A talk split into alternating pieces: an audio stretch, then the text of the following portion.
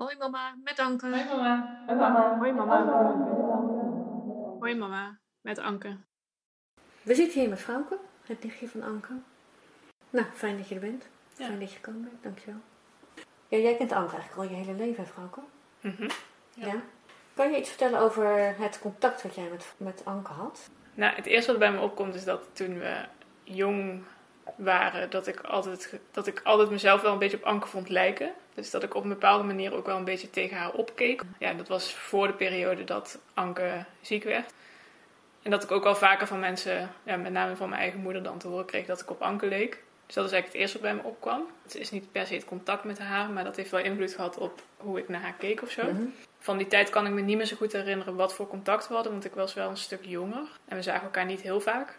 En later, toen Anke ook ziek was en ik op een gegeven moment ook ziek werd, toen is eigenlijk ons contact toegenomen, omdat we het daar af en toe over hadden en af en toe mailwisselingen hadden. Nou, ik weet nog dat toen ik zelf anorexia kreeg, dat Anke direct een kaartje stuurde. Ja, dus toen is in die zin het contact wat toegenomen. Ik weet niet of dit helemaal je vraag is. Ja, nee, ja, dat is wel mijn vraag. Ja, want ik, ik heb ook in die dagboeken van Anke gelezen dat ze dat heel fijn vond om de, ja, onderling het contact. Maar dat ze op het moment dat, dat ze zich realiseerde dat jij ook ziek was, dat ze zich ook vreselijk zorgen maakte. Mhm. Want hoe was dat dan voor jou? Want het beeld wat je voor ogen had van Anke was niet heel rooskleurig. Ja, ik vond Anke gewoon heel erg leuk en heel grappig. Dat stond eigenlijk wel vooraan altijd. Dat ik Ja. haar gewoon heel erg mocht. Eigenlijk ook altijd wel naar uitkeek om haar te zien Mhm. op een familiebijeenkomst. Ja, dat ik daar zin in had. En ook als het moment dan daar was, dat ik het ook heel ingewikkeld vond. Omdat ik het dan moeilijk vond om... Dat heeft niet per se alleen met Anke te maken, want het is ook mijn, was ook mijn eigen ongemak. Maar om dan dat leuke zeg maar naar boven te halen in ons allebei. Dus dan was mijn intentie heel erg van, oh leuk om haar weer te zien. Mhm. Maar dat ik het op het moment zelf ook moeilijk vond om dan echt verbinding te maken. Dus zij kon Eh. dat ook niet met jou dan op dat moment? Of? Ja, ik denk dat dat een beetje wederzijds was. Ja. Dat we wel een, tenminste zo heb ik het altijd ervaren. Ik heb altijd meer klik ervaren dan dat het in de praktijk Ja, ja. eh, eruit zag, zeg maar. Dus dat we wel een soort van onderlinge band hadden. Zo heb ik het wel altijd gevoeld. Dus dat er wel, ja, dat dat er was, maar dat het niet helemaal tot zijn recht kwam, zeg maar. Ja, ja, dat zou heel goed kunnen, want Anke heeft dat ook altijd wel zo gevoeld. Maar was het dan ook die eetstoornis waar jullie last van hadden? Dat je daar een beetje omheen aan het manoeuvreren was? Of voor, dat het de olifant in de kamer was die niet benoemd werd? Of, of- Nou, dat denk ik niet eens zozeer, want daar hadden we het soms wel over. Ik denk meer, als ik vanuit mezelf kijk, gewoon een bepaald sociaal ongemak ook. Nou ja, misschien niet specifiek dan de eetstoornis, maar wel gewoon zien dat iemand niet lekker gaat of niet lekker in haar vel zit. Dat het wat moeilijker is om dan luchtig te doen. En dat vond ik zelf ook heel moeilijk, want ik heb zelf ook de neiging om heel serieus te zijn. Dus dat Mhm. versterkt elkaar dan, terwijl dat dan niet eigenlijk mijn bedoeling was. En überhaupt vond, vind ik zelf familiebijeenkomsten altijd gewoon intens. En ben ik altijd heel anders dan dat ik normaal ben. Gewoon veel meer teruggetrokken en wat meer gespannen. Heb je Ja, heb- idee waarom je dan gespannen bent op zo'n moment? In een familiesetting? Ja? Ja, goede vraag. Misschien dat ik het gevoel heb dat er bepaalde verwachtingen zijn van hoe ik zou moeten zijn of hoe mensen me zien. Mhm. En dat ik het lastig vind om dan helemaal ontspannen mezelf te zijn zoals ik ben met, ja, bijvoorbeeld met vrienden. En dat is de context waarin ik Anke het meeste zag. Eén keer zijn we op vakantie geweest, weet ik nog. Toen merkte ik ook wel dat dat anders werd. Dus dat het wat losser werd, omdat Ja. we dan ook meer activiteiten gingen doen en wat langer bij elkaar waren-. Dus dan had ik met de hele familie uiteindelijk ja, wat meer ontspannen contact en ook met Ja. Anke. Ja, ik Eh, denk dat dat ook heel goed klopt hoor, wat je voelt. Dat is ook altijd zo'n, weet je, dan, we, zijn, we zien elkaar niet heel vaak en dan binnen een dag tijd moet het allemaal gebeuren. Dat kan natuurlijk helemaal niet als je elkaar weinig ziet en ja. dan van de een naar de ander gaat. Ja, zo ervaar ik dat zelf ook altijd wel een beetje hoor. Dan heb je hoge verwachtingen en dan uiteindelijk is het veel leuker om elkaar één op één te zien Te en te spreken. Ja. Ja, oh ja, en wat er ook bij, ik vind het gewoon best wel lastig om over koetjes en kalfjes te praten. Mhm. Dus dat is op een familiebijeenkomst ja, toch waar het start en waar het vaak niet heel veel, ja, waar het moeilijk is om voorbij te komen inderdaad op één dag. Ja. En tegelijkertijd heb ik ook, want vroeger had ik ook erg de neiging om gelijk alle ellende op tafel te gooien, zeg maar. Omdat dat gewoon was wat er was. Ja, dat is dan wel eerlijk, maar ook niet echt sfeerbevorderend. Nee. En dat doe ik nu eigenlijk veel minder, omdat ik daar ook minder behoefte aan heb. Mhm. Maar het voelt wel nog een beetje als een patroon. Dus ik merk dat ik, dan kun je en niet over koetjes en kalfjes praten, ook niet over de problemen in de familie, Nee. die er wel zijn. En op de een of andere manier vind ik het lastig om dan een route te vinden die een soort nieuwe, een nieuwe weg creëert binnen onze familie, waar gewoon wel een hoop aan de hand is en is geweest. Ja, Daar zit voor Ja. mij wel een soort van.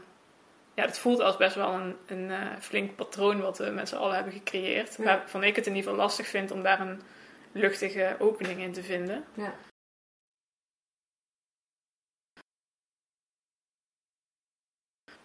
Wat voor invloed had de eetstoornis van Anke op jouw eetstoornis, weet je dat? Kan je daar iets, iets dat concreet te maken voor jou? Ik denk dat het een positieve invloed heeft gehad op mij. In de zin dat ik heb gezien hoe het kan gaan. Ik weet het niet helemaal, maar mijn gevoel zegt dat het he- ervoor heeft gezorgd dat ik meer motivatie had om eh, iets anders te doen. Omdat ik zag hoe het helemaal daar ook verkeerd mee kan gaan. Ja, En niet dat dat dan de enige factor is, maar het heeft denk ik wel bijgedragen om een bepaalde urgentie te voelen. Van, oh ja, dit kan echt helemaal misgaan. Ja, dus in die zin heeft het denk ik wel een positieve bijdrage gehad aan mijn herstel. Heb jij een omslagpunt voor jezelf waar je, waarvan je denkt, nou, vanaf dat moment, of dat iemand iets zei, of een gebeurtenis in je leven, of wat anders, wat er gebeurde om, om een draai te kunnen maken in die eetstoornis? Ja, op fysiek vlak, echt op anorexia vlak, is het grootste omslagpunt wat ik me kan herinneren toen ik te horen kreeg dat mijn hartslag heel laag was en dat ik echt moest aankomen dat ik anders opgenomen moest worden. Mhm. Toen is er bij mij wel een knop omgegaan dat Mhm. ik dat echt niet wilde. Nou, daar zat wel een beeld ook van Anke bij die er gewoon vaak is opgenomen geweest. Ja. Dat ik wel echt heel helder voor mezelf had van dat wil ik eigenlijk heel graag voorkomen. Dat ik ergens opgenomen moet worden. Ja. Het heeft wel iets gedaan met mij Ja. op dat moment. Een soort van motivatieboost van, oh ja, en ik wil echt iets anders. En toen ben ik, is het gelukt om dus voldoende aan te komen om in ieder geval niet opgenomen te worden. Ja, en toen was ik op een gegeven moment uit de fysieke gevarenzone en ging het meer om ander soort herstel. Daar vind ik het wat moeilijker om echt een heel specifiek omslagpunt te benoemen, omdat dat een veel langer proces uiteindelijk voor mij ook was. Mijn Ja. fysiek is echt, dat ik echt fysiek in de gevarenzone was, is niet super lang geweest. Ik denk een jaar of twee jaar of zo. Dat ik echt ja, niet meer goed kon nadenken. Mhm. En daarna was het meer ja, het onderliggende herstel. Ja. En daar is wat, dat is wat geleidelijker gegaan. Ja, want een eetstoornis is eigenlijk een symptoom hè, van onderliggend, onderliggende problematiek. Heb jij voor jezelf idee wat, wat jouw onderliggende behoefte was? Nou, in ieder geval aandacht. ja, ik zie, het in, ik zie het zelfs en als een symptoom van mezelf. Dus dat zeg maar een reflectie van mijn eigen binnenwereld. Dat ik veel negatief over mezelf dacht, hoge eisen stelde. Ja, dat moest op een bepaalde manier dan ook tot uiting komen in Mhm. hoe je leven is. En ik zie het ook als een symptoom van het systeem. Dus dat er ook, ja, als er binnen een gezin spanning is, dat het dan op een bepaalde manier ook zichtbaar wordt via iemand. En dat was in mijn gezin, was ik dat voornamelijk. Mhm. In ieder geval op de oppervlakte, zeg maar. Of hoe, hoe het eruit zag als ik degene die, nou ja, ziek werd, zou je kunnen zeggen. Dus ik zie het zowel individueel als symptoom als van... Ja, ja, bedoel je ook te zeggen dat, je, dat het systeem zeg maar ziek was waar je in leefde? Ja, dat was zo heel goed. Ik denk dat er in, in heel veel gezinnen wel een fase is waarin de dingen niet lekker lopen. En ik denk dat in ons gezin dat op dat moment inderdaad ook zo was. Ja.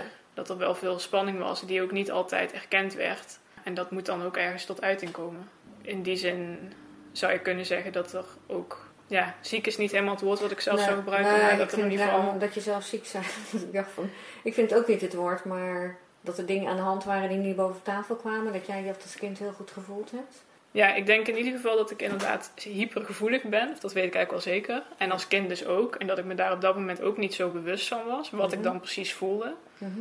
Maar dat ik wel dingen heb opgepikt die ja, niet prettig waren. Ja. En- Vroeg je dan bij je ouders wat er was? Of dat je, dat je dingen, kon je zeggen van nou dit valt me op of dat voel ik? Of... In de eerste jaren sowieso niet. Ik heb denk ik heel veel gevoeld wat ik niet, dat ik zelf niet eens echt door had. Mhm. En toen het later in de puberteit wel meer. Maar was ik nog niet in staat om dat op een fijne manier terug te geven. Dus dat was dan op een puberale manier. Die ook niet per se heel erg tot een oplossing leidde. Ja. Dus op een gegeven moment wel. En ik had ook echt, ik weet nog heel goed dat ik echt de intentie had om iedereen te genezen, zeg maar. Of ja, gene ja, blijf even in de termen Te van ziek en gezond. ja. Maar in ieder geval Ja. om alles beter te maken. Dat kan me heel goed herinneren. En dat ik daar ook echt mijn best voor heb gedaan. Maar daarmee eigenlijk alleen maar erger werd. Voor mijn gevoel op dat moment. Dus jij was eigenlijk heel hard aan het werk voor het hele systeem. En ik denk ook het hele systeem ook voor mij. Ook Oh, andersom. zeker weten, ja, nee, ja, daar twijfel ik weer aan. Ja. Dus, Ja. Maar goed, dat, dat had ik op dat moment ook niet zo door. Dus ik had ook oogkleppen op. In Ja. de zin van dat ik graag iedereen wilde helpen. Maar ook niet door had dat ik eigenlijk ook vooral mezelf moest helpen. Dus de intentie was er wel. En van alle kanten denk ik. Maar dat neemt niet weg dat er spanning is die niet op de juiste manier wordt aangepakt.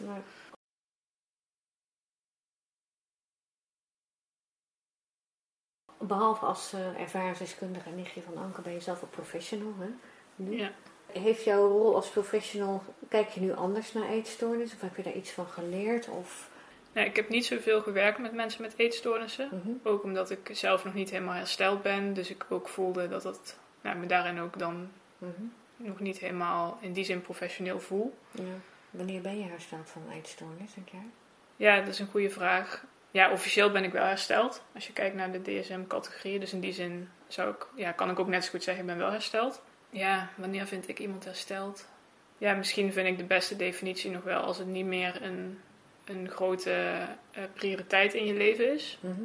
Of ja, prioriteit is een beetje een gek woord. Maar niet meer de mate waarin het in de aandacht staat. In je eigen binnenwereld. Ja. Of in de buitenwereld, maar vaak is het dan ook de binnenwereld. Ik denk dat dat voor mij de mate van herstel aangeeft. Kun je delen waar je last van hebt? Is, is dat echt nog eetgericht of heeft dat met hele andere dingen te maken? Ik heb nog soms last van eetbuien. Mhm. En ik merk dat ik gewoon een emotieeter ben.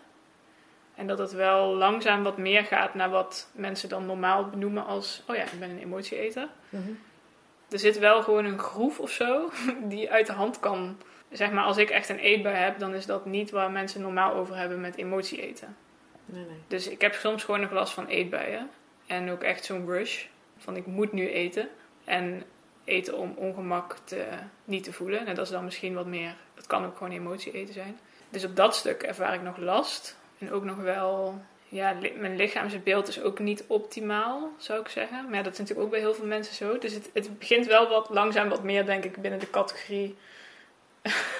soort van. Wat men normaal, ja, wat men normaal noemt. Als het een heel lastig wordt in deze. Volgens mij hebben alle vrouwen die in het kleedhokje staan en een bikini passen denken, pff, ja, ja, precies. wanneer is het abnormaal? Ja. Als ik iets aan iemand vertel over mijn leven, dan zeg ik niet meer dat ik een eetstoornis heb. Zo voelt het niet meer. Nou ja. Maar wel dat ik, als iemand vraagt naar, eh, wat zijn jouw, eh, nou om dan maar in de straattaal te, wat zijn jouw vices? De, de manieren om je, je ongemak uit de weg te gaan, ja dan is eten wel echt het ding voor mij. Ja, omdat ik echt flinke eetbuien heb gehad, merk ik dat dat dus snel ook wel ja, uit de hand kan lopen, zeg maar. Ja. Dat ik daar mijn hand niet voor omdraai, omdat het zo normaal is geworden op een bepaalde manier. Om gewoon echt heel veel te eten. Hoe voel je je daarna dan? Ja, dat ligt er een beetje aan. Vroeger voelde ik me dan heel erg schuldig en heel naar over mezelf. En, en was het ook echt erg. Dus lag ik gewoon, eh, ja, had ik gewoon best wel veel pijn ook. En lag ik gewoon eh, een dag bijkomen van een Mhm. eetbui. En dat is nu zeker niet meer het geval. Ja, het is op een bepaalde manier een beetje normaal geworden. Ik vind het niet leuk. Ik heb ook nog wel wat oordelen erover naar mezelf. Ik wil er ook nog steeds graag van af. Maar het is niet meer dat ik dan de, een dag in bed blijf liggen of zo. Overvalt het je? Voel je het aankomen? Nee, het overvalt me wel. Het is best het is impulsief. Het is niet eh, gepland. Is dat dan een onderliggende behoefte die je weg gaat eten? Maar of kun je die onder woorden brengen? Of is dat zelfs iets, gewoon een diep van binnen gevoel dat je gewoon onbehagen, on weet ik veel, zoiets. Het ligt er een beetje aan waar we het over hebben. Als we het hebben over emotie eten, dan is het gewoon eh, alles wat ongemakkelijk is. Dan is het eerste waar ik aan denk is eten. Dat is gewoon echt ingesleten. Dat zou ik ook niet echt een eetstoornis noemen, maar Mhm. meer... Maar dat is wel wat het is. Dus eh, nou, bijvoorbeeld naar het station, dan heb ik de bus gemist en dan heb ik even een gevoel van frustratie. En dan is het eerste wat ik denk, oh ja, ik kan wel een broodje halen. Ja, dat is dan heel, dat is iets heel kleins, maar dat is wel het eerste wat aangaat. Van, oh ja, ik kan wel wat eten, want dan voel ik even niet. Ja, dat is niet wat ik erbij denk, maar dan Nee. denk ik achteraf van, oh, oh ja, grappig, ik heb weer... Dat is mijn reactie gewoon, van Ja, dat ik dan neig naar eten. Ja. Om even een soort van ontspanning of zo Ja. te voelen, of even iets anders te voelen. Dus dat is iets heel kleins. En de grotere eetbuien, ja, dan heb ik wel vaak dat ik gewoon even niet lekker in mijn vel zit. Dat ik echt wel even een dip heb. En dat ik dan mezelf veroordeel. En vanuit die staat denk, ja, het maakt eigenlijk toch allemaal niet meer uit. Kan dan, en dan is de rem eraf, zeg maar. Dan maakt het me dus niet meer uit of ik één stukje chocola eet of drie repen achter elkaar.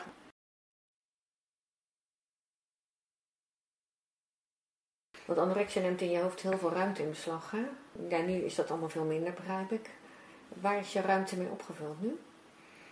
Ja, heel veel dingen eigenlijk.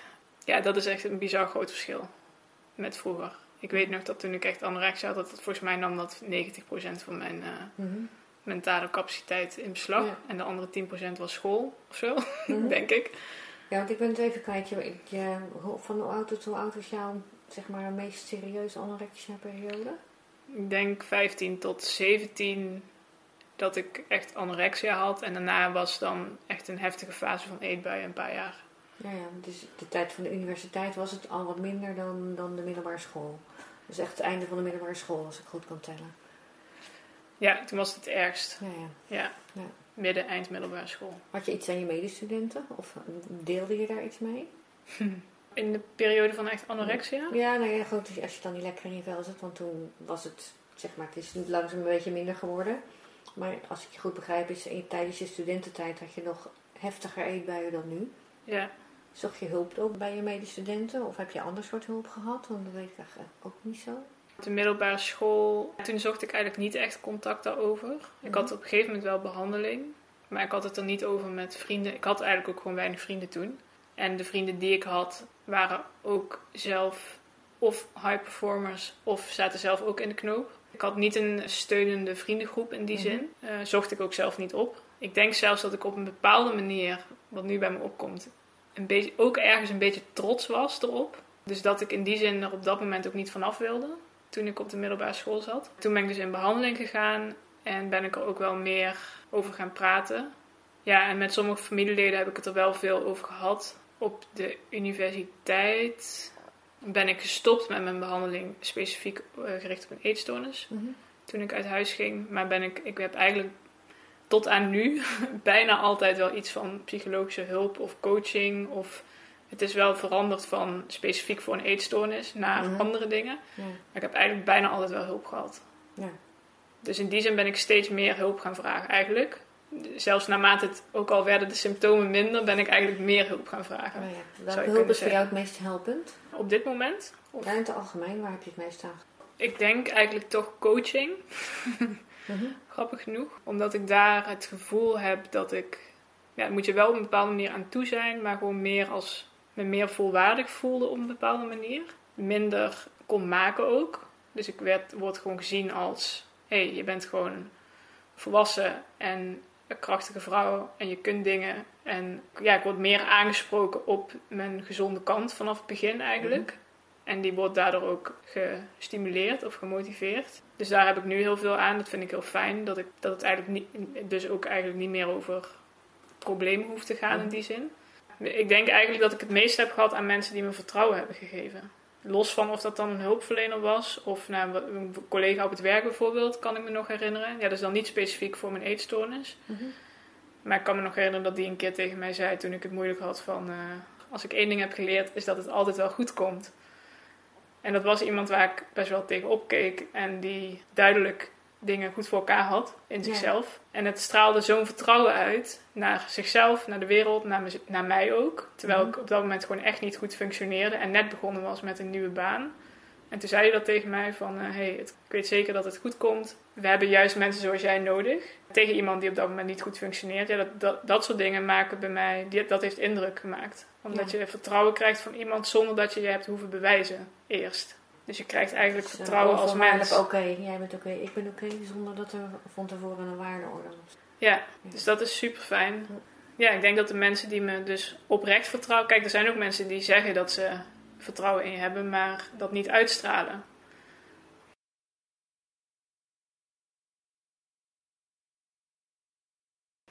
En dat je echt, in de tijd dat je echt voor die eetstoornis behandeld werd, Mhm. Waren ze toen echt gericht op de eetstoornis of gingen ze op zoek naar de onder, onderliggende behoeften die erachter zat? Op zich allebei wel een beetje. Ik denk half-half Mhm. misschien. Maar het werd wel steeds meer symptoombestrijding omdat ik eigenlijk achteruit ging op dat moment. En ook nog niet in een fase was dat ik eigenlijk graag geholpen wilde worden. Ja, ja dat is Dus- ook ingewikkeld hè, bij anorexia. Ja, zeker. Want Ik- je ziet iemand, nou ja, als, als ervaringsdeskundige met mijn dochter weet ik ook van ja, je ziet iemand afglijden en je denkt ook echt van nou die glipt tussen mijn vingers vandaan. Ik denk En dat mijn behandelaar dat ook heeft gehad. Ja. En dan is het enige wat je kan doen is letterlijk voeden. Ja. Terwijl je eigenlijk ook weet van ja, het zit heel ergens anders. Maar iemand heeft het wel echt nodig om, om te overleven. Ja. Ja, ik weet nog dat diegene die mij behandelde, het ging zowel over de oorzaken als over hier en nu gewoon je eetpatroon en dingen op orde krijgen. En ik kan me ook nog herinneren dat ze altijd heeft gezegd van je bent wel een, eh, ik heb wel veel energie nodig voor jou. Je daagt me uit, zeg maar. En het was een, deels was dat een compliment, dat ik Mhm. ook echt zo voelde, wat ook waar was. Van hé, hey, eh, ik was heel, in die zin heel betrokken en geactiveerd. Maar ik was ook heel tegendraads en eigenwijs en een beetje rebels tegelijkertijd Ja. in de behandeling. En ik geloof ook echt dat eigenlijk je eigen intentie ook de uitkomst bepaalt. Dus mijn intentie was niet om beter te worden op dat moment. Ik heb er zeker wel wat aan gehad, maar het heeft niet... Ja, als je eigenlijk niet wil, ja, dan kan de hele wereld aan je trekken. Maar dan... Ja, ik, vind, ik vind het wel lastig dat je dat zegt. Want ik denk van, ja, als ik dan naar Anke kijk, denk ik van, ik weet zeker dat ze het wilde. Maar op de een of andere manier gaf die eetstoornis er ook veiligheid. Hè? Ze was bang om hem los te laten. Ja, ik heb de waarheid niet in pacht. Ik kan alleen uit mijn eigen ervaring delen dat ik het op dat moment in ieder geval eh, nog niet wilde toen ik behandeling Nee. had. Nou, ik weet ook zeker die eerste behandeling van Anke. En er zaten volgens mij allemaal meiden waarvan ik dacht van ja, er werd er, uiteindelijk werd die eetstoornis dan ritueel verbrand. En dacht van nou, er is hier nog helemaal niemand die er vanaf wil, weet je wel. Ja. Dus ook zo intern het gevoel van ze zijn gewoon nog niet zo ver.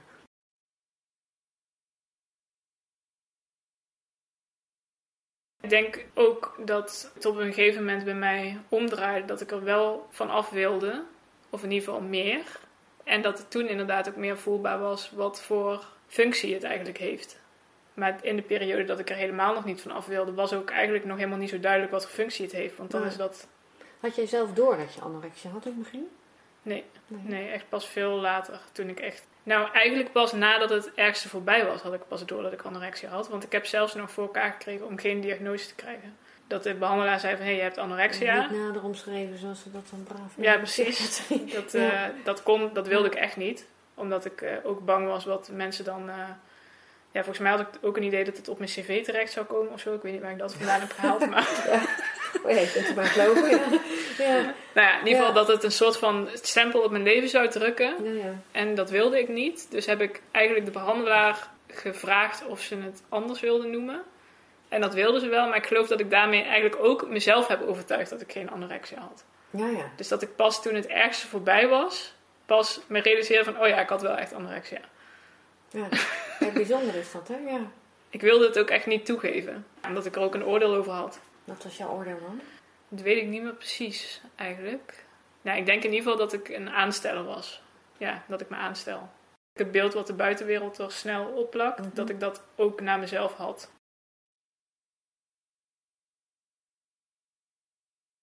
Het voelde niet als een opluchting of zo, om te weten dat ik anorexia had. Ja, en de, eerst door dagboeken van Anke lezen ook van, daar beschrijft ze van nou, ik zit met papa en mama in de auto en we gaan naar Smilde toe. Want ze zeggen dat ik een eetstoornis heb. Nou, dat is gewoon helemaal niet waar. Dat ze ook, ik weet dat ik merkte dat ze aan het overgeven was. En dat, en dat ze ook zei van ja, maar ik snap ook niet waarom ik het doe.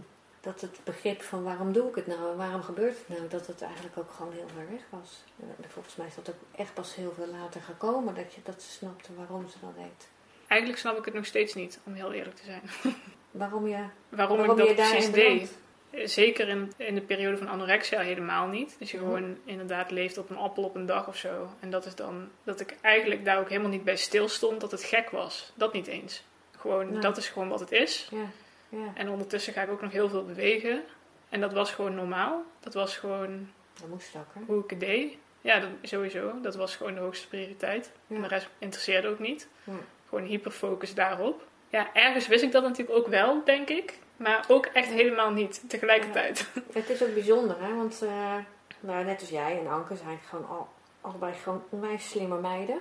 En ja, rationeel gezien, weet je, dat, dat, dat, daar heb ik zelf dan gewoon ook wel, vind dat ingewikkeld. Dan denk je van ja, maar jullie hebben alles om een gelukkig mens te zijn. En toch lukt het dan niet, hè, op zo'n moment. Ik denk Ja. juist dat het in mijn geval, ik denk bij Anne kan het niet voor haar invullen, maar ik kan me voorstellen dat dat in haar geval ook zo is. Dat slim zijn vaak ook in de weg kan zitten. Ja. ja, ik heb ook wel eens dat gevoel dat je, dat je zoveel nadenkt en veel meer dan anderen doen. En het leven niet zomaar kan aanvaarden zoals het is, omdat je erover na gaat denken. Ja, en ook veel dingen misschien ziet en opmerkt, maar niet precies weet wat je er dan mee moet. Ja. Mhm. Terwijl ik inderdaad ook veel kwaliteiten heb en intelligent ben. veel? Ja. ja. Maar ik kan ze nog niet helemaal inzetten of gebruiken zoals ik ze wil. Dus dan, en ik ben snel streng voor mezelf. En dat ja, heeft denk ik waarschijnlijk iedereen met een eetstoornis. En om nog terug te komen net op je vraag van in de periode van eetbuien heb ik ook inderdaad een tijdje overgegeven. En ik weet nog heel goed dat ik elke keer opnieuw verbaasd was dat ik het deed. En ook elke keer met mezelf afsprak van ja, dit was echt de laatste keer. En er ook echt van overtuigd was dat het zo was op dat Ja, ja, moment. ja. En dat heeft, ja, je zou kunnen zeggen dat het, het is een Ein- Einstein-quote van eh, steeds hetzelfde proberen en denken dat je een andere uitkomst krijgt of zoiets. Of dat, is de, dat het waanzin is om steeds hetzelfde te proberen en te denken dat je een andere uitkomst krijgt. Nou, dat was precies wat het was. Ik draaide elke keer hetzelfde rondje, maar dus ook achteraf van dat ik eigenlijk niet begreep waarom ik dat nou deed. En ook echt overtuigd was dat dat niet meer zou gebeuren. Want ik snapte niet waarom. Dus ik hoefde ook niks op te lossen. Nee, Want ik kon geen oorzaak vinden. Nee. Dus dan is het ook best moeilijk om inderdaad een oplossing te vinden. Ja. En dat heb ik op een bepaalde manier dus nog steeds. Ik kan nog steeds niet precies een oorzaak vinden. ja, maar is er één oorzaak?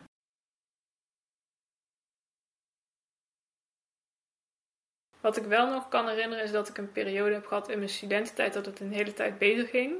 En dat ik gewoon eigenlijk dacht van, oh, ik ben opeens hersteld. Mhm. Ik heb opeens bijna geen eetbuien of helemaal geen eetbuien meer. Ik denk een half jaar of zo. Mhm. Dat is op eetstoornisniveau het meest herstelde denk ik wat ik ooit geweest ben. Dat ik gewoon echt normaal met eten omging. Voor mijn gevoel er eigenlijk niet mee bezig was. En dat ik geen idee had waardoor het kwam. Nee, nee. Ik zat daarna, ik zat wel echt beter in mijn vel. Maar ja, ik weet ook niet wat dan de kip en het ei is. Ik was op Nee. dat moment gewoon meer aan het doen wel met vrienden. Maar ja, het kan ook zijn doordat ik me juist dus Ja. minder met gedoe bezig hield. Had je meer tijd voor vrienden in je hoofd en, en ook letterlijk? Ja, en toen is het eigenlijk ook weer teruggekomen. Dus ik, ik, ik, Maar ook zonder aanwijsbare reden? zonder hele duidelijke oorzaak, ja. Ja, Dus ja. dat vond ik, dat weet ik ook nog, niet, nog steeds niet helemaal wat dan nou precies gebeurde. Maar dat heeft wel wat gedaan met me, omdat ik toen wel voelde van hé, hey, het kan echt wel anders. Dus het heeft wel mijn vertrouwen in hé, hey, herstel bestaat wel heel erg vergroot, die periode.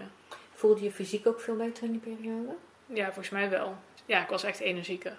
Blijer? Ja, sowieso. Ja, actiever, speelser, minder serieus. Het blije kind komt er wel over.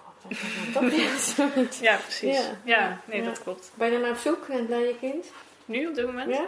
Het is er eigenlijk wel steeds meer, maar het is nog wel contextafhankelijk. Dus ik merk dat ik ja, in bepaalde contexten dat ik me eigenlijk nu gewoon heel erg goed voel. En dat er ook nog contexten zijn waarin ik snel veel spanning voel. Maar overal ja, is dat er wel echt steeds meer. Ik ben wel van ver gekomen, denk ik, Ja. op, qua blij kindniveau. Dus het kan denk ik nog eh, veel meer. Het kan nog veel meer. Dus in die zin ben ik er wel naar op zoek, omdat Ja. gewoon nog een veel, dat het een veel groter onderdeel mag zijn van Ja. mijn leven, gewoon speelsheid. Ja, dat lijkt me wel fijn.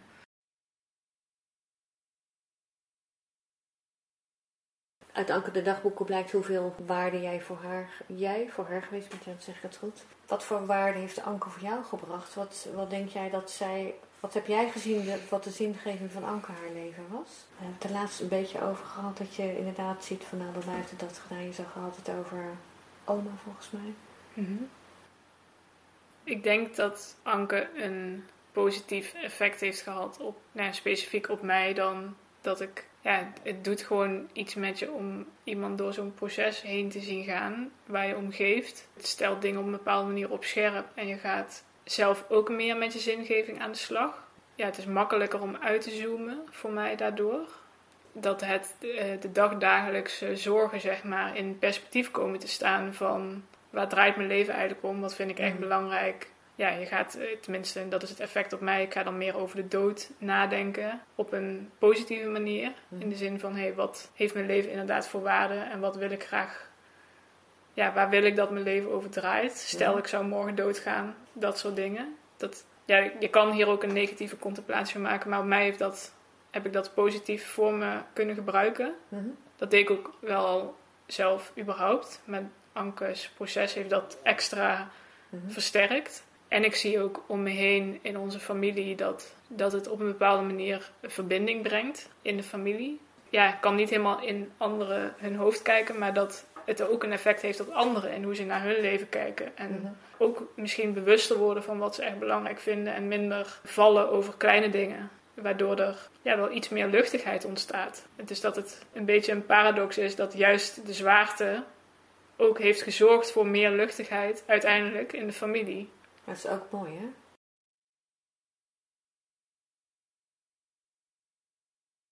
Ik had eigenlijk nog wel een vraag van welke tips zou jij mee willen geven aan, aan bijvoorbeeld meiden met een eetstoornis, aan behandelaars, aan je ouders, aan ouders in het algemeen bedoel ik eigenlijk meer, maar of aan je broers of zussen, van in de relatie tot wat zijn de do's en de don'ts?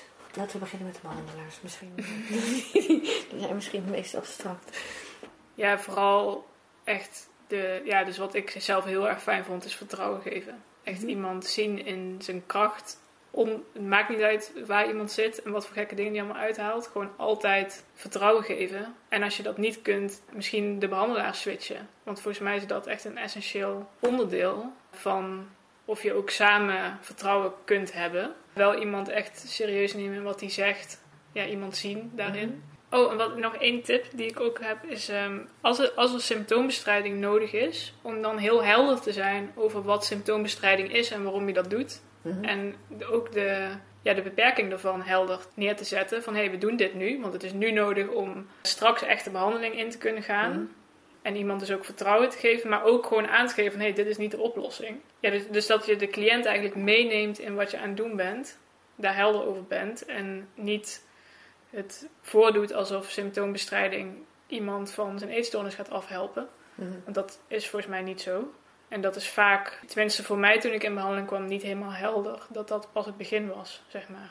Dus dat je iemand eh, echt meeneemt in wat je eigenlijk aan het doen bent. En dus ook iemand op waarde schat daarin. Hé, hey, dat kan ook. Want dan Ja. voelt iemand zich ook automatisch krachtiger. Want je wordt daarin dus ook serieus genomen. Van hé, hey, ik kan zelf meedenken en snappen wat er aan de hand is en waar het over gaat. Ja. Dus ook een gelijkwaardige relatie. En het absolute niet doen. Ja, en de don'ts. Ja, dus heel erg boven iemand gaan staan. Ja, dat, dat is denk ik echt een don't. Doe je dan ook vooral in de zin van moeten of ook gewoon inderdaad het niet gelijkwaardige ik weet het beter en jij bent maar de cliënt? Of... Ja, in ieder geval dat laatste. Over moeten. Ja, ik denk op zich dat een behandelaar best af en toe streng mag of moet zijn. Als er een goede ba- band is, kan dat denk ik. Als die band er niet is, ja, dan kun je denk ik sowieso beter van behandelaar switchen. Ja. Ja. Eh, maar dan gaat het moeten denk ik ook niet aanslaan. Ja, en nog meer don'ts. Ja, misschien te lang aan blijven modderen. Als behandelaar durven zeggen van... hé, hey, dit volgens mij werkt deze route niet. En meekijken naar iets anders. Of een tijdje geen behandeling hebben om te ervaren hoe dat is. Maar in ieder geval dan ook iets veranderen. En niet eindeloos hetzelfde blijven proberen. Ik weet tenminste zelf uit mijn ervaring als psycholoog... dat ik zelf ook de neiging had om iemand graag hersteld de deur uit te zien gaan. En als dat dan niet echt gebeurt... eh, dat het vanuit mijn psychologen ego, zeg maar, ook best lastig is om dan te zeggen van... hé, hey, volgens mij is het beter als je ergens anders heen gaat. Of zullen we eens kijken of een andere behandelaar beter bij past. Maar dat toen ik dat deed, dat het eigenlijk heel erg gewaardeerd wordt. Ja, gewoon veel beter werkt. Dus dat het helemaal geen probleem is om ook te erkennen wat er niet kan. Dat dat ook een positieve ervaring kan Ja. zijn voor een cliënt. Omdat je dan ook gezien wordt. En oh ja, dit werkt inderdaad niet.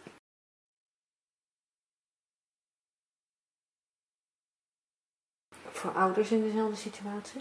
Ja, ouders vind ik een hele moeilijke, merk ik. Ik kan me dat best moeilijk voorstellen hoe het is om een kind met anorexia te hebben. Lijkt me in ieder geval heel ingewikkeld. Ja, kan je Ehm, verklappen dat dat? ja. dat, eh, ja, Ja. Die hypothese had ik al. En wat heeft voor jou, nou ja, je kunt misschien alleen uit je eigen ervaring spreken, wat voor jou geholpen heeft en wat per se niet geholpen heeft. Een van de belangrijkste dingen die bij mij nu opkomen, maar of dat echt zo is, weet ik niet, want ik vind het een moeilijke vraag. Maar dat ouders toch ook heel goed voor zichzelf moeten blijven zorgen. En andere gesprekspartners opzoeken om het mee te delen. Zeker als er ook dingen in het systeem aan de hand zijn.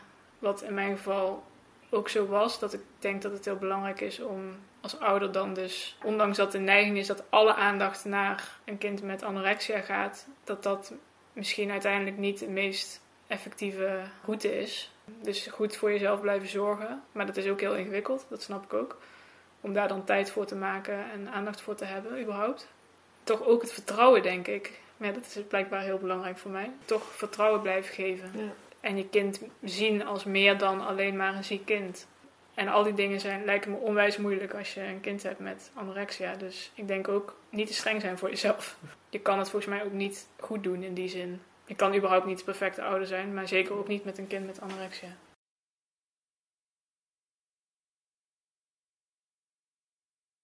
Een hele doods die ze, niet, die ze per se niet zouden moeten doen voor, voor een kind met anorexia? Denken dat je het allemaal alleen kan oplossen als ouder. Mhm. Waardoor een kind eigenlijk de druk voelt van... ik moet het voor mijn ouders doen, zeg Mhm. maar. Want anders dan zijn mijn ouders niet gelukkig. Ik denk dat dat niet helpt. Dus ook toestaan dat je kind buiten de deur behandeling heeft. Andere mensen misschien aan, ook aanmoedigt om andere mensen op te zoeken. Omdat het ook frisse input geeft. En dat is- betekent niks over jou als ouder, maar het is gewoon denk ik belangrijk om ook uit je eigen bubbel als gezin te komen. In iedere situatie, maar zeker ook in deze. Dus dat aanmoedigen in plaats van ontmoedigen. Mhm. En voor broers en zussen? Ja. Welke rol zouden die kunnen hebben, denk jij? Of hebben die gespeeld? Of... Ja, dat geldt een beetje van hetzelfde met ouders. Dat, me dat, dat, ja, dat lijkt me heel lastig. En mijn eerste gevoel is ook hetzelfde. Van vooral in eerste instantie ook goed voor jezelf zorgen. Mhm. Dat dat belangrijker is dan, eh, nou in mijn geval, dan die zusje proberen te redden. Want anders ga je met z'n tweeën op een zinkend schip onder, zeg maar. Mhm. Daar wordt ook niemand gelukkig van. En als je de capaciteit hebt op die leeftijd, misschien dat deur, naar durven vragen. Dus durven te vragen waar je nieuwsgierig naar bent. Of, maar ik kan me ook heel goed voorstellen dat dat best wel heel moeilijk is. Zeker als je allebei in de puberteit zit of nog jonger bent. Of, maar dat er dan op een bepaalde manier wel verbinding blijft. Maar dus als allereerste gewoon goed voor jezelf zorgen. En ook voor andere meiden met eetstoornissen misschien? En jongens overigens ook. Ja, dit is eh, ook een beetje advies naar mezelf. Nog steeds. Maar stoppen met alleen maar zoeken naar de oorzaak. Precies willen weten wat nou exact de reden Mhm. is. Omdat het tot zover in mijn leven onvindbaar lijkt te zijn, inderdaad. Ik kan wel heel veel dingen bedenken en hele mooie verhalen over vertellen. Die ook wel echt sens maken. Dus het is geen onzin. Maar er zit een eh, limiet aan hoe helpend het is, zeg maar. Uiteindelijk. Dus da- dat in ieder geval niet als enige doen. Nou, dan misschien is dat nog wel een belangrijk omslagpunt voor mij geweest. Dat ik uit de guilt trap kwam. Dus een schuldige aanwijzen. Dus ofwel extern, van oh eh, ja, mijn ouders hebben het niet goed gedaan. Of eh, de maatschappij eh, is verkeerd. Ja. Of ik heb het zelf allemaal verpest en verkeerd Mhm. gedaan. Die ken ik allemaal. Mezelf de schuld geven het meest. Maar de andere kanten ken ik ook. En het is heel verleidelijk om dat te doen. En het lijkt ook heel logisch op een Mhm. bepaalde manier in sommige situaties. Maar het heeft me op geen enkele manier geholpen. Dus het heeft mij heel erg geholpen op het moment dat ik... Nou, ik zeg trouwens niet dat, ik dit altijd, dat me dit altijd nu lukt. Maar grotendeels dat, het, dat ik niet meer een schuldige dus hoef aan te wijzen. Nee. Ook niet in mezelf. Ja, schuld en schaamte. Ik denk die twee. Maar het zijn wel, in mijn ervaring, wel vrij grote dooddoeners om jezelf na- in de put te helpen. Ja. En ook niet zo makkelijk om uit te komen, maar wel, als het lukt om daar uit te blijven, wel heel erg helpend.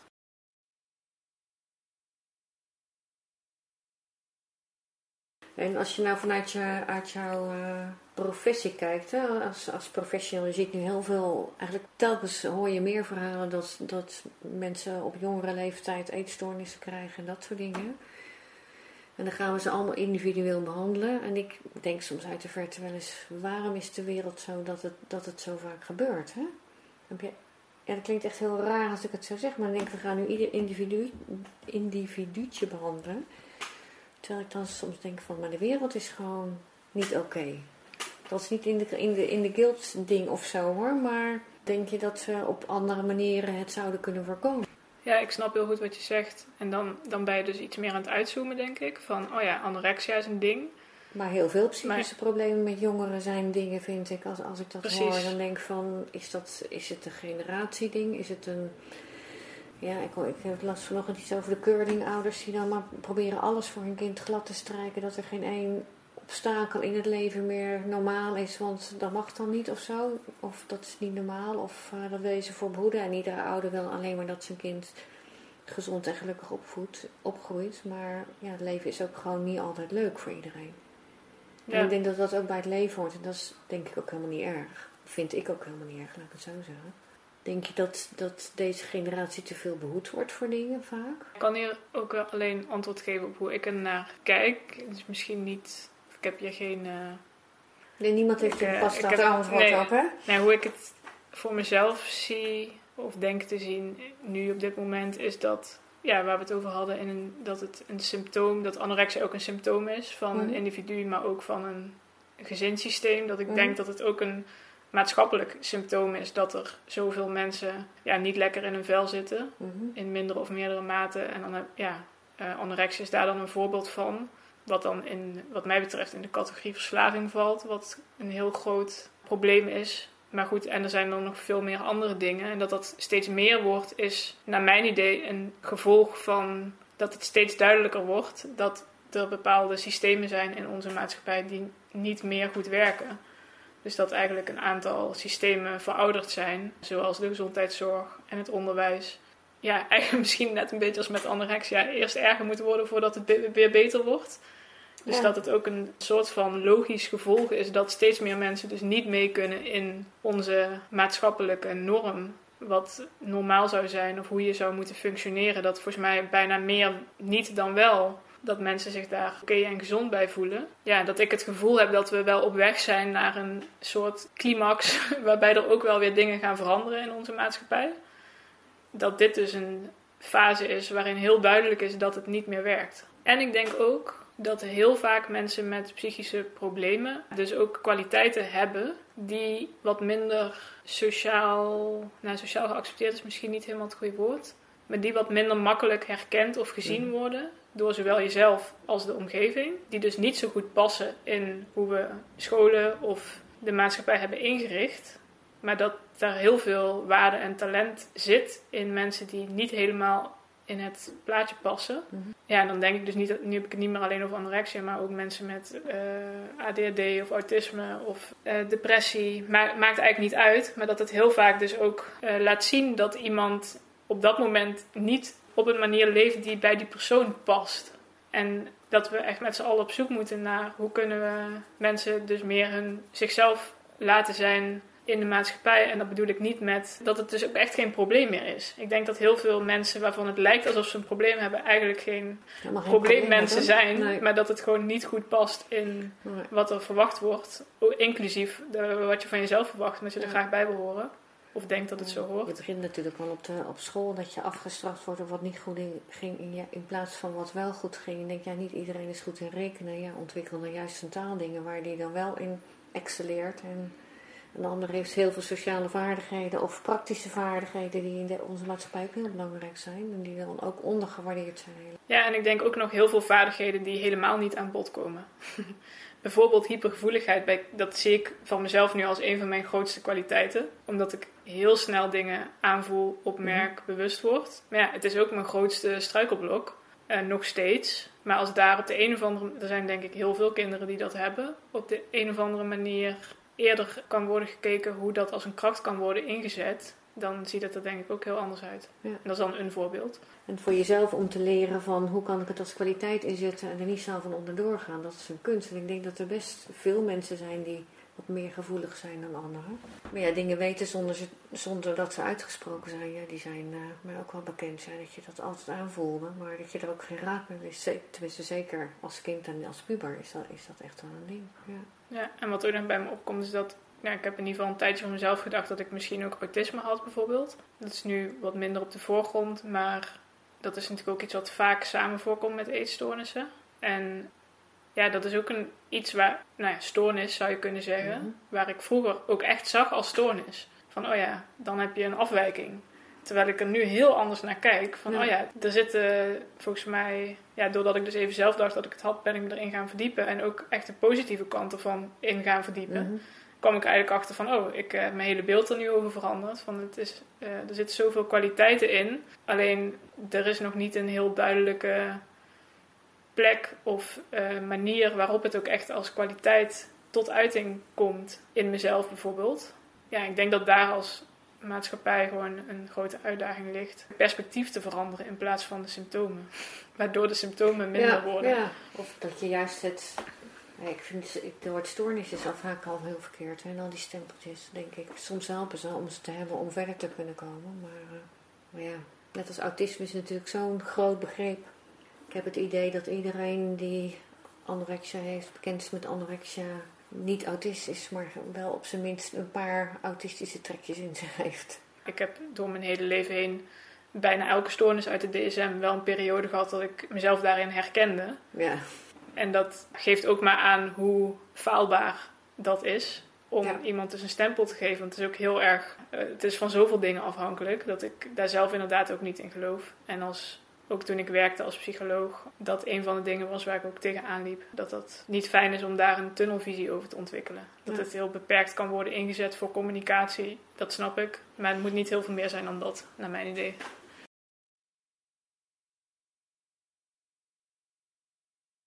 Nou, ik denk dat Anke het heel mooi vindt dat we dit aan het doen zijn. Ik wou eigenlijk zeggen dat ze het prachtig vindt dat we dit aan het doen zijn. Dus als ik daaraan denk, word ik wel blij. Dat ze ja, trots op ons is op een bepaalde manier. Dat we dit aan het doen zijn ook. Ja, zich ook gezien voelt. Dat. Jij zegt zulke mooie dingen, hè? Het is heel bijzonder, want we hebben inderdaad dat Anke boven, van bovenaf of waar het nog zijn, ook nog te verbinden is en dingen. Nou ja, dat zie je alleen al door dit soort dingen, want ik vind het dan ook heel, ja, dankjewel voor je openheid. Dankjewel, Franco.